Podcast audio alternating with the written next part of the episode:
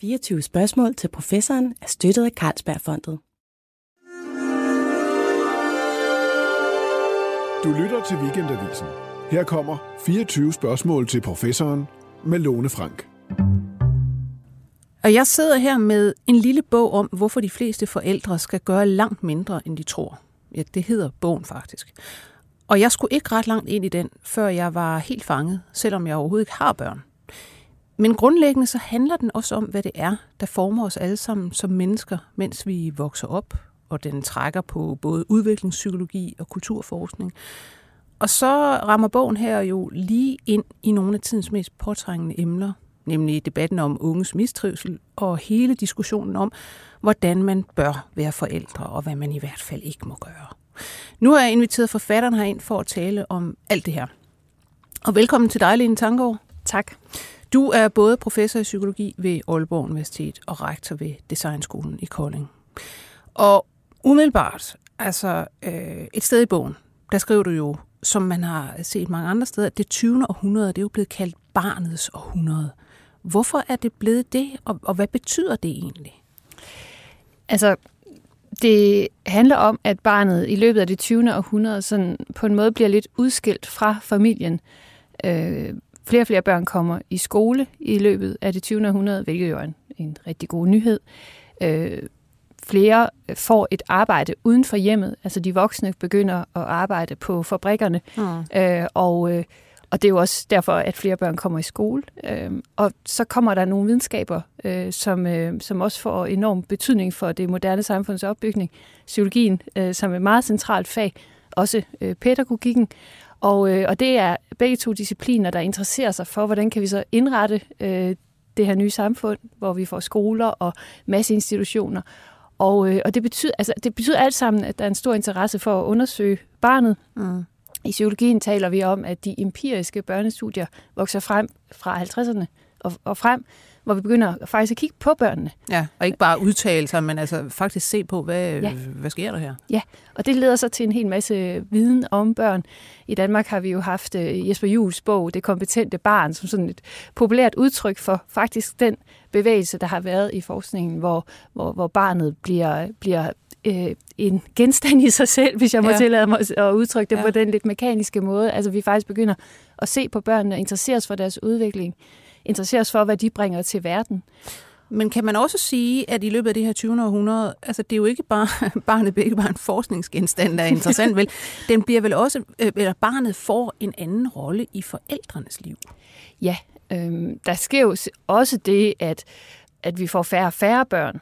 Øh, så hvor børnene tidligere var nogen, man skulle bruge til at, som arbejdskraft øh, og til at sikre en overlevelse økonomisk i familien, så bliver så de her øh, færre børn, dem, dem begynder vi at knytte nogle selvstændige forhåbninger til.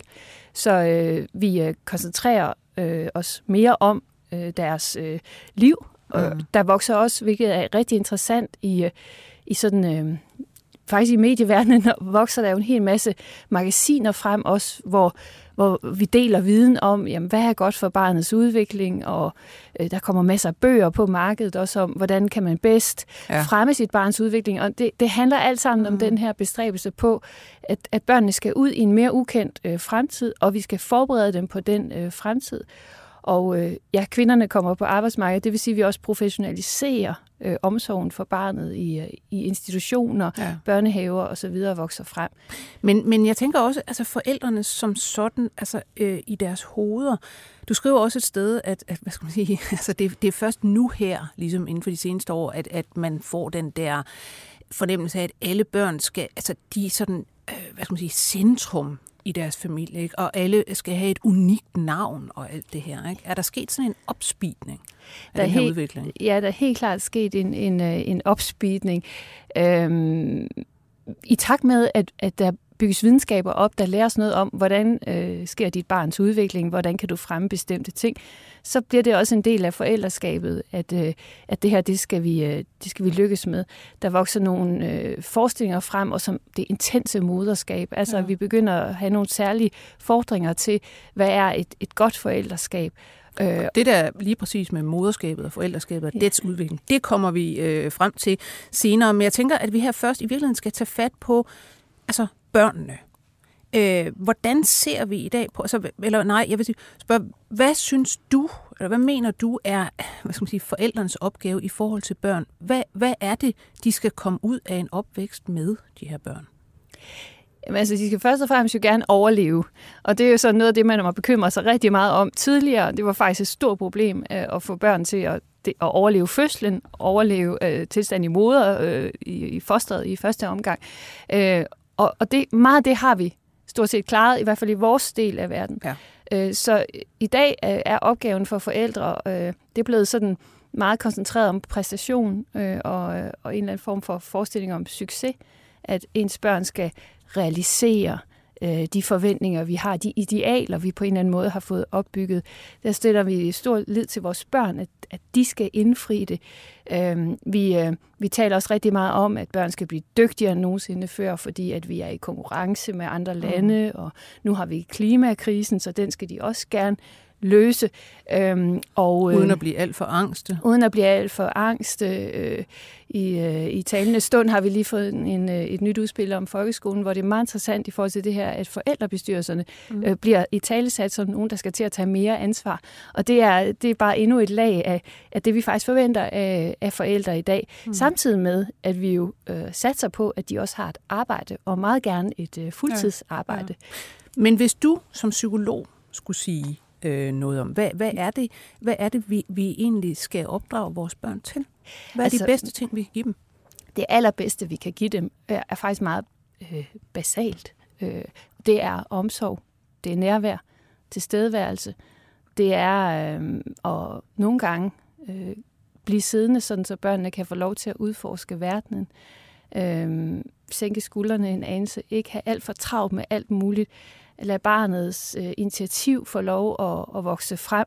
Altså, det er alt det, som på en måde ikke koster noget, som er, øh, bortset fra tid, mm. som selvfølgelig er en ressource. Du skriver også et sted, mener at det her med, jamen, vores børn, det, det vi egentlig helst skal give dem med, det er, at de bliver hvad skal man sige, altså, selvstændige, stærke og kreative. Ja. På en eller anden måde. Ikke? Ja. Øhm, og det ved vi noget om, hvordan man, man gør. ja, præcis. Og hvorfor er det så helt overordnet, at de fleste forældre skal gøre mindre, end de tror? Jamen, det er fordi, at vi, vi ved, at et barn øh, udvikler sig i, øh, i forskellige tempo. Det gør børn er meget øh, forskellige. Og, og det vil sige, at de kommer til nogle faser i deres udvikling, hvor de viser os, hvad de er klar til. Og hvis man øh, ræser hen over det med en bulldozer, fordi man har sindssygt travlt med at nå alt det, som voksne synes er vigtigt, så misser vi nogle gange de signaler, som børnene giver os. Altså der, hvor de faktisk er parate til at tage et nyt trin i deres øh, udvikling. Det kræver, at vi øh, er sammen med dem. Øh, det kræver, at vi øh, lytter til, hvad de, hvad de kommer med af, af, af indspark. Det er noget af det allervigtigste. Så det er derfor, jeg skriver, at vi skal gøre mindre. Det er egentlig for at være mere til stede, mm. fordi øh, vi lever også lidt i en handlingskultur, så vi synes, at vi skal have gang i alle mulige projekter for at øh, og også gerne stimulere børnene på 117 måder øh, og købe alle de rigtige ting. Mm. Øh, og, øh, og i virkeligheden er det altså er det meget, meget simpelt, øh, hvad det faktisk kræver at være en god forælder. Øh, og det, den langsomhed, som jeg prøver at appellere til ved at sige, gør lidt mindre, handler egentlig om at, at, at sænke det der, øh, det der accelerations... Øh, præcis, og så i stedet... Øh, være sammen med børnene og lade dem nogle gange være med til at lave mad, hvis det er det, der er brug Det er jo ikke sådan, at, at jeg mener, at øh, nu skal vi så sidde og trille tommelfinger. Det er sådan set at, at lade barnet være en del af meningsfulde aktiviteter, som man alligevel øh, skal, skal, skal have gang i. Altså børnene, nu var jeg på Færøerne her i sidste weekend, øh, og om... Øh, om fredagen var jeg ude på en skole og observere, og, øh, og der var børnene i gang med at, at skære appelsinstykker ud og, og lave øh, vandkander til, til eftermiddags øh, sådan hygge. Ikke? Og så sagde pædagogerne, ja, fordi børn elsker at bidrage. De elsker at få en opgave, der er meningsfuld for fællesskabet. Øh, hvor, hvor, hvor de er en del af det, der alligevel foregår. Mm, ja. så, så lidt mindre af det der, der handler om, at, nu skal vi ud af huset, og nu skal vi gøre en masse ting for børnenes skyld, som i virkeligheden ikke altid er for børnenes skyld, men mere for de voksnes. Det er sjovt, er, at du tager fat på på et tidspunkt, øh, det gode nok forældreskab. Og det er simpelthen en, en, en term, et begreb i forskningen. Hvad ja. går det ud på? Ja, altså øh, det går ud på, at øh, altså, det, det er et fænomen, der er kommet op i den internationale forskning igen, som jeg øh, tog fat i, fordi jeg lavede et stort forskningsprojekt om forældresamarbejde oplevede den her usikkerhed, som forældrene havde, tænkte, øh, det bliver nødt til at undersøge, så gik jeg i gang med at sådan, altså finde ud af, hvad forskere i forældreskab, hvor er de henne lige nu. Mm. Og så dukkede det her op, og det er jo egentlig Winnicott, en øh, psykoanalytiker, øh, Donald Winnicott, øh, det er hans begreb. Og øh, det formulerer han øh, efter at have observeret øh, mor-barn-interaktioner, som det var dengang. I dag vil det også være fædre og alle mulige andre. Øh, og, og det han finder ud af, det er, at den ikke helt perfekte stimulation mm. er godt for barnet. Ja. Fordi når vi ikke altid kommer, når barnet kalder, så kan barnet også lære nogle gange selv at finde en vej. Øhm, og Winnicott mente, at det lærte barnet noget meget væsentligt om forholdet mellem øh, drømme og idealer og realiteter. Ja. Øh, som vi jo alle sammen bliver konfronteret med. Konstant, ja. øh, og som jeg tror er, er et hovedproblem i dag. Mm. Øhm, så det, den gode nyhed, øh, som Winnicott kom op med dengang, øh, var jo, at det ikke helt perfekte er godt. Ja. Øh, og de små fejl, vi alle sammen laver, øh, tager barnet ikke skade af. Tværtimod kan man måske ligefrem sige, at det kan hjælpe barnet til at finde sig selv, og så at sige, mærke sig selv. Fordi nu må jeg lige finde ud af, hvad gør jeg så selv, ja, når mor Når de nu ikke stiller op, eller når det nu ikke kommer, når jeg øh, råber, eller der ikke lige er, det ser ikke ud, som det gør hos naboen, lige eller præcis. hvordan det nu er. Ikke? Og Vigotskis undersøgelse var jo ud af den her øh, bestræbelse, som jeg beskrev i starten med at begynde empirisk at undersøge, altså simpelthen man kigge på børn ja. og kigge på forældre-barn interaktioner, øh, og var et nybrud dengang. Og hvorfor er det så relevant i dag? Og det tror jeg, det er på grund af, altså det bliver et indspark i opgavet med en præstationskultur øh, eller en perfekthedskultur, som også har snedet sig ind i forældreskabet. Men jeg tror også, det handler om, at vi faktisk i dag har brug for at genfinde det her øh, forhold mellem idealer og realitet. Altså vi har i høj grad vel også brug for øh, egentlig at slappe af, som du øh, også siger. Ikke? Altså det, det er simpelthen, altså vi gør for meget, øh, vi anstrenger os for meget, øh, hisser os i virkeligheden op over det her forældreskab. Meget, og man kan sige, øh, jeg citerer Olga Ravn, hendes øh, meget fine roman, Mit Arbejde, hvor hun jo øh, konstaterer på et tidspunkt, at altså, det kan vel ikke være meningen, at jeg skal blive helt udmattet af det her som mor. Øh, fordi så kan man jo faktisk ikke være der. Så, så det er jo noget med at genfinde nogle, nogle balancer, balancer i vores liv i det hele taget, og selvfølgelig mm. også i mm. forældreskabet. Altså mindre kan gøre det i rigtig mange øh, men, men som du siger, mindre er faktisk også godt. Og der synes jeg, vi skal tage fat på, på det her begreb, som, som vi jo har haft oppe mange gange, robusthed hos børn. Ikke? Altså, øh, vi vil sådan set gerne på en eller anden måde frembringe, øh, fremelske robusthed hos vores børn. Og det er ikke sådan noget, de, de nødvendigvis bare er født med. Det, det udvikler sig igennem den måde, de, de møder verden på. Hvad ved vi faktisk om, hvad der bringer robusthed frem på en sund måde?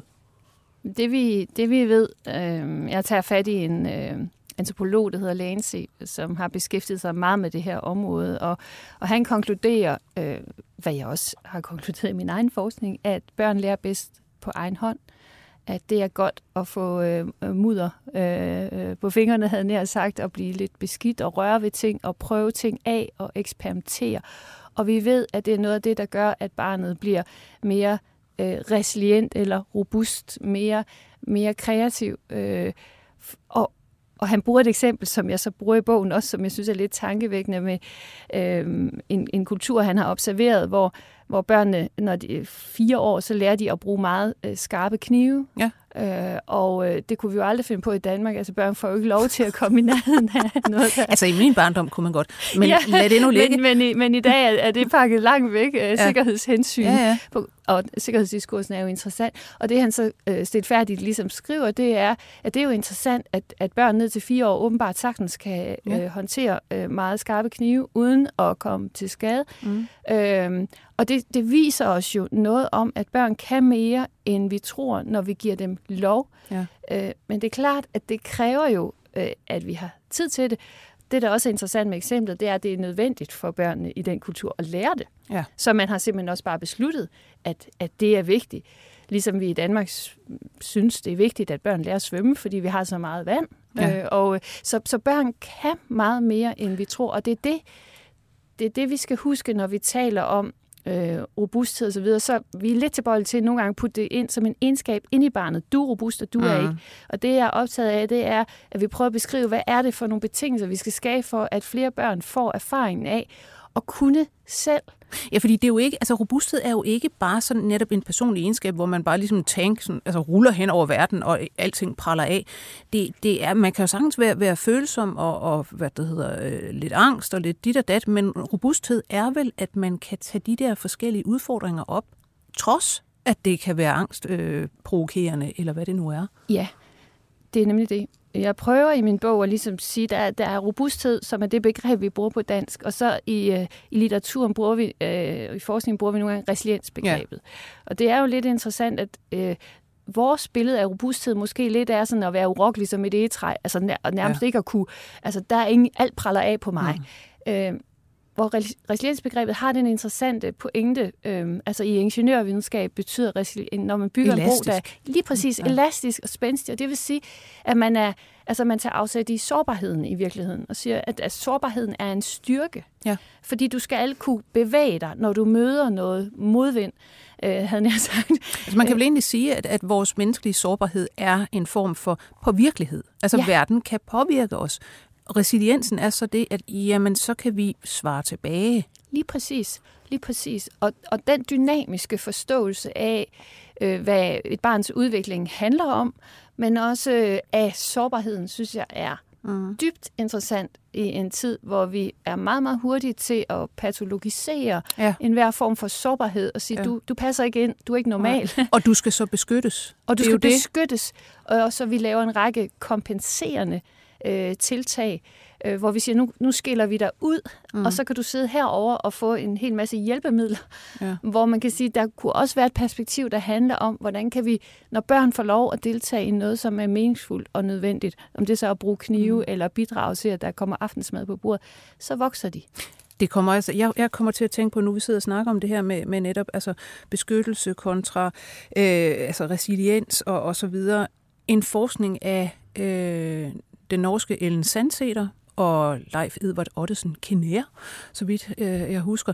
For en del år siden kom okay. de jo frem til, at de var ude at se på legepladser i hele verden, og se på, hvordan de bliver mere og mere sikre, og børn får lov til mindre og mindre på de her legepladser. Øh, og og i, i samme tidsrum, der stiger antallet af børns angstlidelser og depressioner, og dit og dat. Hvad siger det også? Det siger også noget om, at øh, de her patologier, hvor noget af det selvfølgelig er, øh, der kan være genetiske dispositioner til forskellige ting, men at vi også nogle gange skaber samfund, der så fremkalder nogle bestemte typer af, af lidelser mere end, end noget andet. Og det er klart, hvis vi får en, en øh, sådan en sikkerhedskultur, ja. som, som de her legepladser, der bliver mere og mere sikre, er et udtryk for, det må endelig ikke gå galt, ja. så får vi jo også indirekte sagt til vores børn, du kan ikke ret meget, og, du, og der er grund til at være rigtig bekymret. Mm. Øh, fordi det her er farligt, og det her er farligt, og du skal lige vide, hvis du gør sådan, skulle lige skrive under her, fordi så... Der er vel altså, også noget i, i, altså i udviklingspsykologien, som tyder på, at jamen, det her med, at, at angst for noget bestemt, for eksempel for at, at altså, falde ned fra noget, som man egentlig har lyst til at klatre op i, eller hvad det nu kan være, er også noget, der opstår på forskellige udviklingstrin. Og hvis man så ikke får lov til ligesom, at, at, at kæmpe med den der angst, og eventuelt prøver at falde ned og finde ud af, at oh, man overlevede, jamen så er det, angsten ikke bliver overvundet, men bare bliver der. Ja, lige præcis. Og hvis det så samtidig er sådan, at du har en oplevelse af, at du står alene, mm. altså at der måske faktisk, øh, ja nu siger jeg lige noget, som måske lyder som en kritik, men at der ikke er nogen forældre, der, der er klar til at lige give dig krampen, hvis der så er brug for det mm. i noget, som er svært. Men at vi har ja, så travlt med at komme videre med alting, så bliver det dobbelt udfordret. Ja. Så vi har både sådan sikkerhedskulturen og travlheden, og kombineret, så gør det, at vi giver vores børn mindre plads til at være øh, og erfare det sårbare, og kunne komme igennem det. Ja. Øh, kunne, vi har jo alle mulige udtryk, at kunne sove på tingene, eller at ja. kunne altså, rejse op igen, når man har snublet. Øh, der, der er alle mulige meget smukke, sproglige øh, vendinger og metaforer, for, som lærer os noget om, at det er det, som et menneske vokser af. Øh, og det at, at have klaret noget, øh, er jo også noget af det, som gør, at et, et barn får flere muligheder. Noget af den læringsteori, jeg trækker på, og som jeg øh, jo har arbejdet med at udvikle i hele mit forskningsliv, det er, det er øh, undersøgelser af, af læreprocesser, altså empiriske undersøgelser. Og når man går ud og kigger på, hvordan lærer mennesker, så kan vi se, at noget af det, der er fuldstændig afgørende for, at vi lærer, det er, at vi bliver givet ansvar. Ja. Altså, at, vi, at nogen tiltror os, du kan løse den her opgave. Jeg tror på, at du kan. Og vi så får lov at øve os og gøre os umage, og så fejler vi måske, mm. og så lærer vi af det. Og det er jo det, vi også skal have fat i i vores øh, forældreskab ja. og opdragelse, at vi skal turde give ansvar. Ja, fordi som du siger, du, altså, din, din, din forskning har jo egentlig gået meget på kreativitet. Altså, ja. du er egentlig kendt som kreativitetsforsker, vi har endda mødtes for nogle år siden, lavet et program om netop det, og det kan man selvfølgelig finde øh, på hjemmesiden. Øh, og, og som du siger, det, det, det passer jo meget godt ind det her med, altså ja, det er læringsprocesser, og, og, og de er hammer vigtige. Man kan faktisk ikke, man kan ikke lære på andres vegne. Man kan ikke lære på sine børns vegne, eller proppe lærdom ind i hovedet på dem. De skal selv erfare det. Ja, det er... Øh, altså, og der kunne jo godt have stået kreativitet på forsiden af den der bog, ja. fordi på en måde er det jo også en opskrift, eller et, et bud på, det er ikke en opskrift, men det er et bud på, hvad, hvad skal der til for forældreskabet, for at børnene også kommer ud som, som modige og kreative og ansvarsfulde, ja. myndige væsener, ja. som vi har brug for. Øhm, og vi skal det, jo så starte med, øh, hvad det hedder, at tage, tage, tage vatbeklædningen af, ja. øh, og så give, give tid og give nærhed ja, og, lige præcis. og øh, altså, langsomhed. Ja, altså... Øh, der er to norske forskere, der hedder Agra Ludvigsen, som lavede nogle undersøgelser af læreprocesser. Det er jo blandt øh, voksne mennesker og læger, men jeg synes, det gælder også her. De sagde, det gælder om to ting. Vi skal invitere ind, øh, og det kunne være forældre, der inviterer med til at lave aftensmad, eller få vasket ja. tøjet, eller ordne haven, eller hvad det er. Invitere ind, mm. og samtidig altså, øh, give adgang. Og det er klart, at når vi giver børn adgang og giver dem ansvar, så tror jeg også, de begynder at invitere sig selv ind i nye ting. Altså så, så vokser de jo også og kan begynde at udfordre. Hey mor, jeg kan faktisk godt det her. Ja. Øh, du behøver ikke at hjælpe mig her. Øh, nu må du tro på mig. Altså den, vi kan lære rigtig meget af vores børn også, hvis vi tør at invitere ind i den dans, som det næsten er mellem at blive inviteret og få adgang. Mm. Øh, ja. Altså, det, det, er jo, det interessante bliver jo så her øh, at spørge sig selv, Altså, og der går vi så over til det her med, med hvordan i alverden er forældreskabet blevet sådan her udviklet. Fordi når jeg nu tænker over min egen overgang, ikke? altså jeg kunne jo sagtens have haft øh, øh halv- og helvoksne børn i dag. I min barndom var der virkelig, altså, der var ikke den der køling-trang, vel? Så, så min overgang er øh, jævnt hen opvokset med, jamen vi legede ude på vejen, eller øh, i haverne, eller hvad der nu var i gårdene øh, rundt omkring. Ikke? Og forældrene, de kaldte den måske lige, når der var mad og sådan noget. Ikke? Øh, så hvorfor er det, at, at, at den årgang begynder at pakke deres egne børn ind i vat? Ja, det er noget mærkeligt noget, ja. ikke? Fordi at, øh, øh nu øh, er vi jo øh, måske lidt samme generation, og jeg er jo vokset op på samme måde med, med leg ude på vejen, øh, havde jeg sagt, mm. og på legepladsen og alt muligt, ja. og meget frihed. Øh, så det var jo et resultat af, der var en funktionstømning af familien i vores barndom, altså hvor vores forældre måske voksede op steder, hvor det faktisk var brug for, at de hjalp til på forskellige vis. Vi ja. havde ikke så mange maskiner til at hjælpe, så det, børnene var faktisk nødvendige til, at vi var den frie generation, og så kommer ja. nu de her intensiverede øh, krav, og det, det handler jo blandt andet om, at der er færre børn til at tage over. Øh, vi har øh, fundet på stadig flere ting, vi gerne vil have, øh, så, så vi har rigtig meget brug for, at vores børn præsterer. Og det, og det sætter sig så ind i forældreskabet, at, at man skal... Vi, vi kan måske også tale om en... Øh, en, øh, en faldende kvalitet i nogle af vores centrale øh, institutioner, mm. skole og daginstitution, som jo også gør, at forældre tænker, jamen, kan jeg overhovedet have tillid til, at mit barn lærer det, der skal til for, at det kan klare sig i den her usikre verden. Så der er mange sådan øh, forskellige bolde, der spiller ind i øh, forældreskabet. Øh, og, og i, det bliver selvstændigt gjort som en, en ting i sig selv, ligesom barndommen er blevet mm. det i det 20. århundrede, så er forældreskabet i dag sådan en, en ting i sig selv, og det tror jeg ikke, det var for vores forældre. Altså, det er vidderlig en, en rolle, det er og noget, man går ind i, og her skal man opføre sig sådan, ja, her skal man spille sådan. Men umiddelbart tænker jeg også, altså nu med, med vores generation, ikke, øh, og, og, og den, der sådan kom en lille smule efter, øh, har jo haft de der 68 forældre. Har det spillet ind også, tror du? Altså nu har vi lige, der er lige kommet to bøger fra efterkommere af døtre af Kløvedal, fædre, ja. ikke? Uh, som uh, begge to taler om, hvor uh, altså, alene de i virkeligheden var, og altså, på, på nogen måde lyder det som, som svigt, ikke? fordi der er forældre, der simpelthen ikke var der. Ja. Uh, kan det også betyde noget, det her? Ja, det tror jeg da. Nu skal man jo nok huske, at blomsterbørnenes børn. Altså, mm. så mange blomsterbørn var der ikke. Øh, det var en elite på en eller anden måde, som havde overtaget øh, de idealer, der også voksede frem i psykologien der i 60'erne og 70'erne om selvrealisering, og at man, man skulle makse ud på sit eget liv. Og det kan børn tage øh, voldsomt skade af, fordi der er jo øh, med, med Kløvedal øh, eksemplet med Lærkes ja. bog, at det er jo et eksempel på en, en, en far, der sådan set gør det modsatte af det, jeg siger, man skal. altså, ja. han var ikke til stede. Nej. Han var til stede for nogle af sine andre børn måske. Så det, det er klart, at, øhm, at der godt kan være, øh, og det tror jeg egentlig, altså tror jeg egentlig, hver generation har sådan vi skal gøre det bedre, eller sådan ja. en, øh, en lidt frisk tilgang altså, til... Det, det, det er det samme som med, med livsførelse. Altså, hvis de bliver skilt, øh, ens forældre, jamen ja. så holder man måske selv bedre sammen på sit parforhold, eller hvad det nu er, en reaktion. Ja, det bliver eller... en reaktion. Øh, men, men det kan ikke helt forklare. Nå. Altså, øh, det er, øh, jeg, jeg, jeg refererer jo forskellige undersøgelser, hvor man, hvor man prøver at kigge på, jamen, hvad skal der til for at være en god forælder, og jeg har sådan en sekspunktsplan i bogen nærmest, og jeg blev selv lidt forpustet, da jeg læste den, og tænkte, hold op, skal man kunne alt det?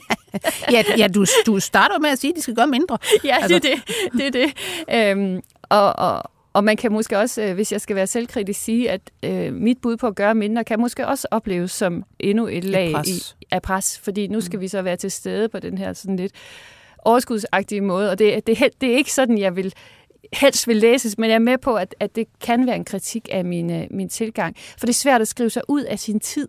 Altså ja. på en eller anden måde. Der skal netop, der skal netop råd til. Der skal, der altså. skal, der skal råd til.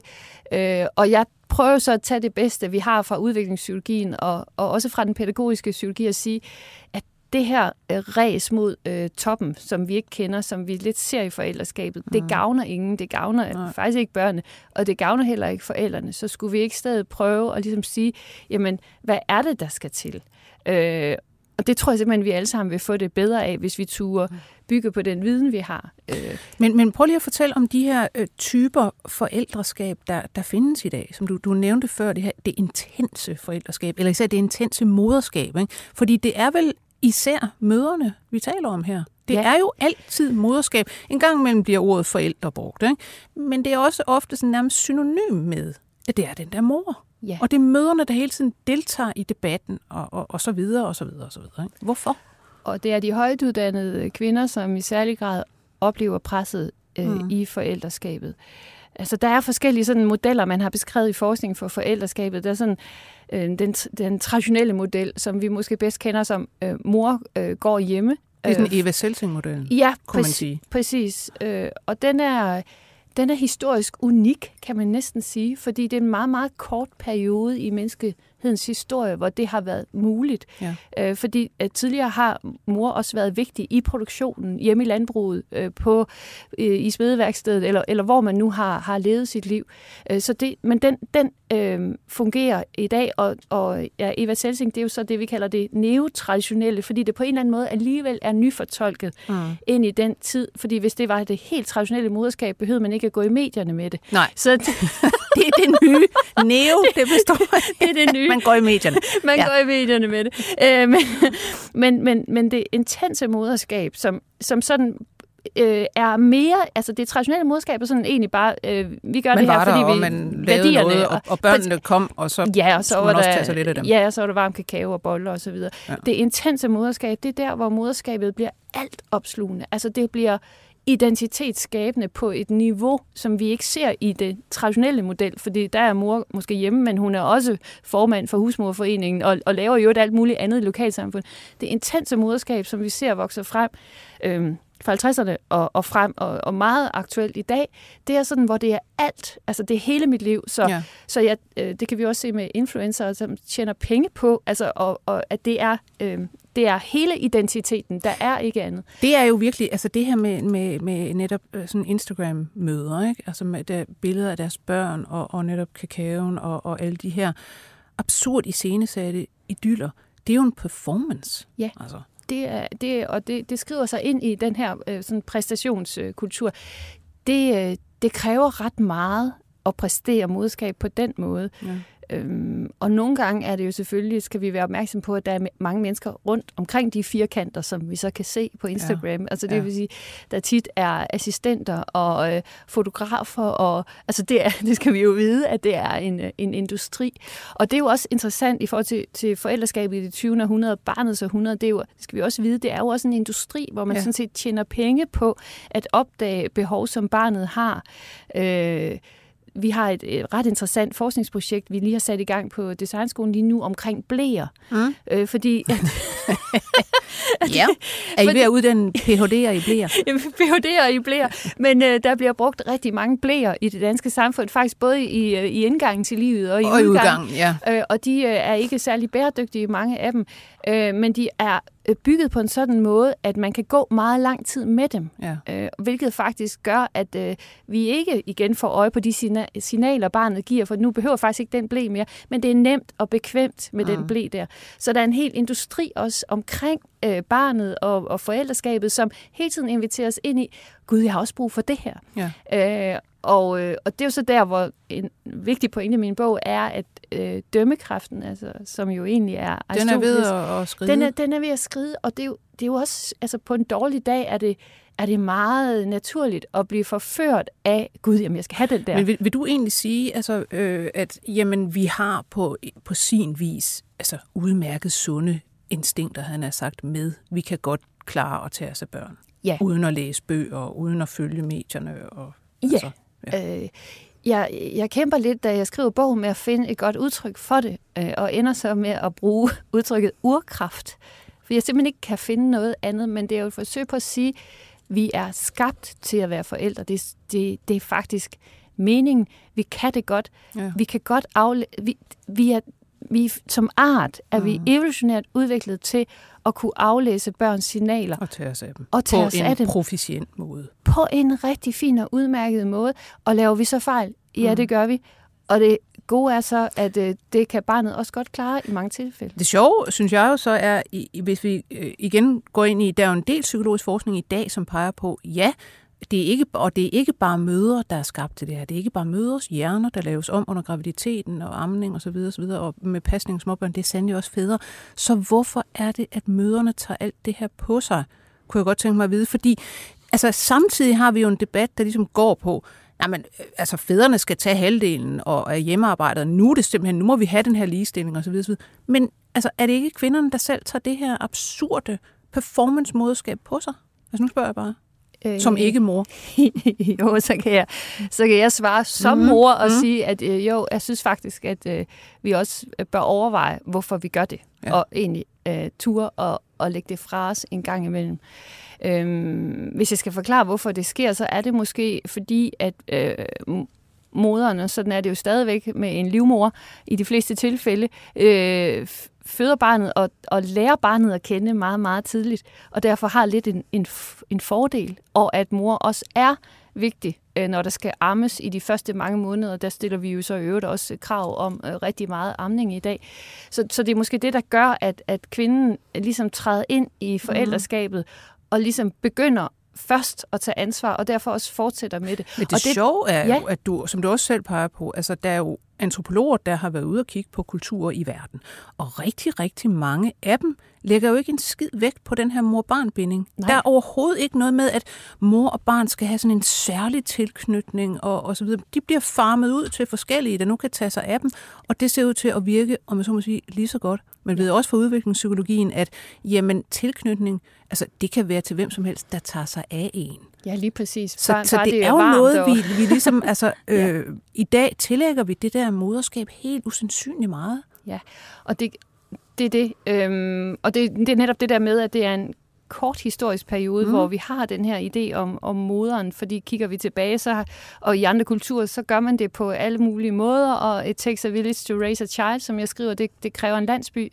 Den landsby er lidt langt væk fra de moderne mødre, kan man så sige i dag. Sige, altså, øh, øh, privilegerede mødre har altid gennem hele verdenshistorien øh, hvad det hedder, givet børn til øh, nogen, der skulle tage sig af dem. Ja. Det er først nu, at de rigtig privilegerede så bare lade være med at arbejde og sidde og omslutte de der børn og tage sig af dem. Ja, lige præcis, Aha. lige præcis.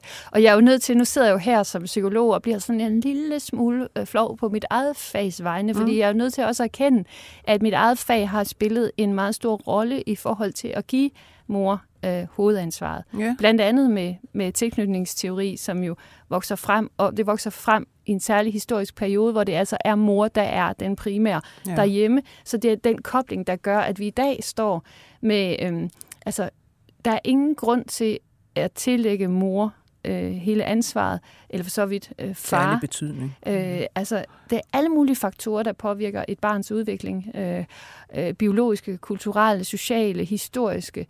Øh, vi skal tage ansvar for det, vi kan tage ansvar for. Øh, men jeg vil da sige til, til, til de mødre derude, der er ved at signe under følelsen af at stå alene med ansvaret og være ved at signe i, i alle de der præstationskrav. Mm. Altså roligt med afsæt i forskning, sænke skuldrene og, øh, og så måske få, få overskud til rent faktisk at være der. Ja. Jeg synes, at vi skal have, øh, bruge det sidste stykke tid på ligesom at glide over i det her, som vi alle sammen går og taler om, og som, som de ting, vi har talt om hidtil i dag, faktisk øh, som sige, spiller lige ind i. Altså trivselsdebatten. Det her med de unge og børnene, der mistrives helt forfærdeligt. Og hvorfor gør de det? Er det kun ud fra kommende krav øh, fra konkurrencesamfundet? Er det måske også noget med opdragelsen og i det hele taget den psykologisering, der er sket? Men øh, hvad det hedder, jeg synes som det første af alt, kunne jeg godt tænke mig at høre, hvad mener du som psykolog om altså hele mistrivselsbegrebet, som vi bruger det i dag? Ja, øh, tak for det. er et rigtig gode spørgsmål. Nu sidder jeg øh, jo også i Trivselskommissionen, og i den anledning har jeg været med til at prøve at kigge på, hvad trivsel er. Altså mm. kigge ind i databaserne, og, og vi, der er meget stor tvivl om, hvad, hvad, hvad trivsel er. Og ja. mistrivsel er et meget dårligt defineret begreb. Ja. Trivsel, øh, det ideal, der skrives frem af WHO for, i 2018, det, det, er meget, det er meget nyt begreb. I psykologien er det Egert Petersen i 60'erne, øh, som taler om, at øh, trivsel handler om en... Øh, øh, afstand mellem, hvad man havde forventet, og hvad man så står i. Så hvis, okay, ja. hvis, den, hvis, hvis du havde forventet øh, meget, og du så øh, ender et sted, hvor du er langt fra det, så, så kommer mistrivsel ind. Det er sådan set meget enkelt. I, i WHO's definition er det sådan en tilstand af, af well-being, som er det begreb, man bruger på engelsk, og, og som er en oplevelse af at kunne mestre og være del af et mm. fællesskab, og og vi diskuterede i Trivselskommissionen, det er der meget tit, man ikke oplever det. Ja, så, så, så det vil jeg da sige, at er det mest af tiden? Det meste af tiden altså. øh, er et menneske jo ikke på den måde i trivsel, kan være på vej derhen måske, og kan øh, lægge en indsats for at, at nå et eller andet sted hen, hvor man mestrer og er med i et fællesskab. Så det, det jeg synes, vi skal overveje, det er, det er selve begrebet. Ja. Øh, om vi egentlig har, har fat i det rigtige. Også i den oversættelse, vi laver af international litteratur. Øh, det, er jo, det er jo også alle mulige forskellige ting, der er rodet sammen. Altså, der er noget med børns rettigheder, som, som bliver blandet sammen med sådan en psykologisk øh, tilgang til, hvad kan vi kræve for, at du er lykkelig. Og, ja. Så det, det er lidt et stort rod sammen. Men det, jeg skriver i min bog, det er, at jeg synes, det er interessant, at der samtidig med, at det intense moderskab vokser frem, eller idealerne omkring mm. det her højt præsterende forældreskab, så ser vi samtidig en stigende mistrivsel. Ja. Og jeg kan jo ikke sige noget som helst om, om der er en kausalitet, en direkte årsagssammenhæng i det. Men det er, men det er en interessant sammenhæng. Det er det jo. Sige, det er det jo. Så kan vide, om det ikke er sådan, at vores børn vil få det bedre, hvis de også møder forældre, der øh, har mere ro på, ja. og er mere åbne over for, hvad barnet faktisk kommer til verden med. Jeg synes også, det er interessant. Altså nu har jeg jo talt med, øh, fordi jeg har skrevet om forskellige øh, psykiske sygdomme, altså ADHD, øh, traumatisering, øh, alt det her, ikke? Øh, ind i netop mistrivselsdebatten, og har i den forbindelse talt med typisk psykologer, der også peger på, jamen altså, øh, det, det er i høj grad noget med forventningerne, altså de indre forventninger, ikke? og forældrenes forventninger til, at disse børn skal være så lykkelige og skal være så meget i trivsel, at det i sig selv giver dem altså et pres. Fordi man er ikke, specielt ikke hvis man er teenager øh, eller deromkring, så, er man, så går man altså ikke rundt og er øh, i stor trivsel og lykkelig hele tiden. Det her, så nogen har jeg aldrig mødt. Nej, man har nogle gange set de her sådan uh, t-shirts med forskellige slogans på, eller sådan for teenager. Mm. Uh, jeg er under ombygning, altså så ro på. Altså, og så det, jeg tror måske lidt i dag, at, at vi også forstyrrer den ombygningsproces ved ja. øh, at intervenere meget tidligt, hvis vi ser tegn på øh, en eller anden, øh, altså, og nu taler jeg ikke om de børn, som har det virkelig svært, der mener jeg Nej. i den grad, vi skal intervenere tidligt, men for det helt, det helt almindelige unge menneske har måske brug for at lige at komme ind i verden, øh, før vi begynder at sige, nu skal du også lige huske, at vi gerne vil have flere, der skal over på en erhvervsuddannelse, så kunne det ikke være noget for dig. Og, og hvor, vi, hvor vi simpelthen på en måde kommer til at lave nogle overgreb, tror jeg, fordi vi rammer ja. helt skævt i forhold til, ja. jamen, hvor er det her menneske øh, lige nu? Så, øh, så... Jamen også hvis man netop altså, kunne fortælle de her øh, børn, at jamen, du kan godt regne med, altså, at, at det, det kan hurtigt blive, blive svært. Du kan også opleve tidspunkter, hvor du synes, det har aldrig været så forfærdeligt, og kan man virkelig have det så skrækkeligt? Ja, det kan man, og det går væk igen. Og vi har stort set alle sammen oplevet det. Ja, altså. det er jo fuldstændig enig, fuldstændig enig. Og så kommer jeg til at tænke på øh, øh, min egen yngste søn, som er startet på en, en, en ja, videregående uddannelse, og hvor, hvor underviserne så siger, øh, nu skal I bare have ro på med alt det der med karakterer og prøver og pyt med det, og så mm. øh, laver de en prøve efter fire uger eller sådan et eller andet. Så der ja. er også et eller andet med, at vi kommer til nogle gange, det forholdet mellem idealer og realiteter, der igen ja. er i spil. Ja. At vi ikke er ærlige omkring, jamen vi forventer sådan set noget af jer her. Mm. I stedet for at gå rundt og snakke om, vi forventer ingenting, og du kan bare gøre, hvad du vil. Altså det tror jeg faktisk også leder til... Signalforvirringen altså, er rigtig dårlig. Den ja. er kæmpestor i vores samfund. Så det der med at turde stå ved, jamen altså, når man er i gang med en uddannelse, så kræver det noget, øh, og, og det går over igen, og så mm. kommer man et andet sted hen. Altså det, det tror jeg er ret centralt, altså vi, at vi altså, får lidt mere styr på, hvad er det, vi går rundt og siger. Jeg synes, jeg synes, det er meget interessant det her med netop altså forventningerne til forventningerne som altså både ligger i, i samfundsdebatten og, og hos forældrene. Det her med, jamen de her børn, de skal sådan set ret hurtigt ligesom beslutte sig for, hvad er det, de vil, og så skal de hurtigt ind på en uddannelse, og så altså måske lige et meget, meget planlagt øh, hvad det hedder, gap year, øh, ja. øh, fjummerår, ikke? Hvor, hvor alt er ligesom, der skal du så i praktik der, og der skal du så, altså det hele er bare sådan frygteligt øh, lagt an på, okay, så skal man ud på den der bane, der hedder livet, og der, der kører det så ud af. Når man tænker over, hvordan altså, livet bliver enormt langt for de her unge, for det første. Ikke? De skal arbejde rigtig længe, og alle de muligheder, vi har for øh, at skifte karriere undervejs, og hvor mange af os, der gør det. Jeg kunne enormt godt tænke mig nogle gange at tage ud og hvad det holde altså dundertaler til, til gymnasier om det her med, altså jeg kunne bare tage mit eget eksempel på, altså fjumre, fjumre, fjumre, og skifte bane og gøre noget, man ikke har gjort før, og dit, dat, dut. Altså, at der er plads til alt det her. Lige præcis. Altså, det er jo et... et øh, altså, det, det, det er sjovt, at vi har... Måske, jeg ved ikke, hvad det skyldes, om det er nu siger jeg lige noget om det er statskundskab, og det er en mm. videnskab, der ligesom bygger på at, at lave statistik og forudsigelser om befolkningsudvikling, og, og hvordan indretter vi et samfund i forhold til det. Undskyld statskundskab, og det er ikke jeres skyld. Men den logik okay. har vi... ikke kun, nej. den, har vi, den har vi internaliseret i vores ja. liv. Altså, mm. så vi tænker, at et liv er forudsigeligt. Ja. Og vi tror på, at vi kan lægge en plan. Så vi vil sige, nu vil jeg derhen, og det kræver de og de indsatser. Og der må vi jo bare sige, at når vi studerer et menneskeliv, så er det mere zigzag-agtigt, ja. og, og, og, og det er uforudsigeligt, og de store erkendelser gør vi os tit, øh, når vi står i en situation, hvor det ikke lige gik, som vi havde forventet. Mm hvor vi så kan være lidt i mistrivsel faktisk, fordi det gik ikke som forventet, men det er jo også der, at vi øh, opnår det, som nogle læringsforskere kalder transformative læringsoplevelser, altså hvor der noget går op for en, som man slet ikke havde regnet med, ikke havde tænkt på. Ja. Så den grundforståelse af et menneskeliv øh, er ligesom glædet ud til fordel for en sådan funktionalisme på en mm. måde i vores forestilling om, øh, hvordan vi kan tilrettelægge et liv.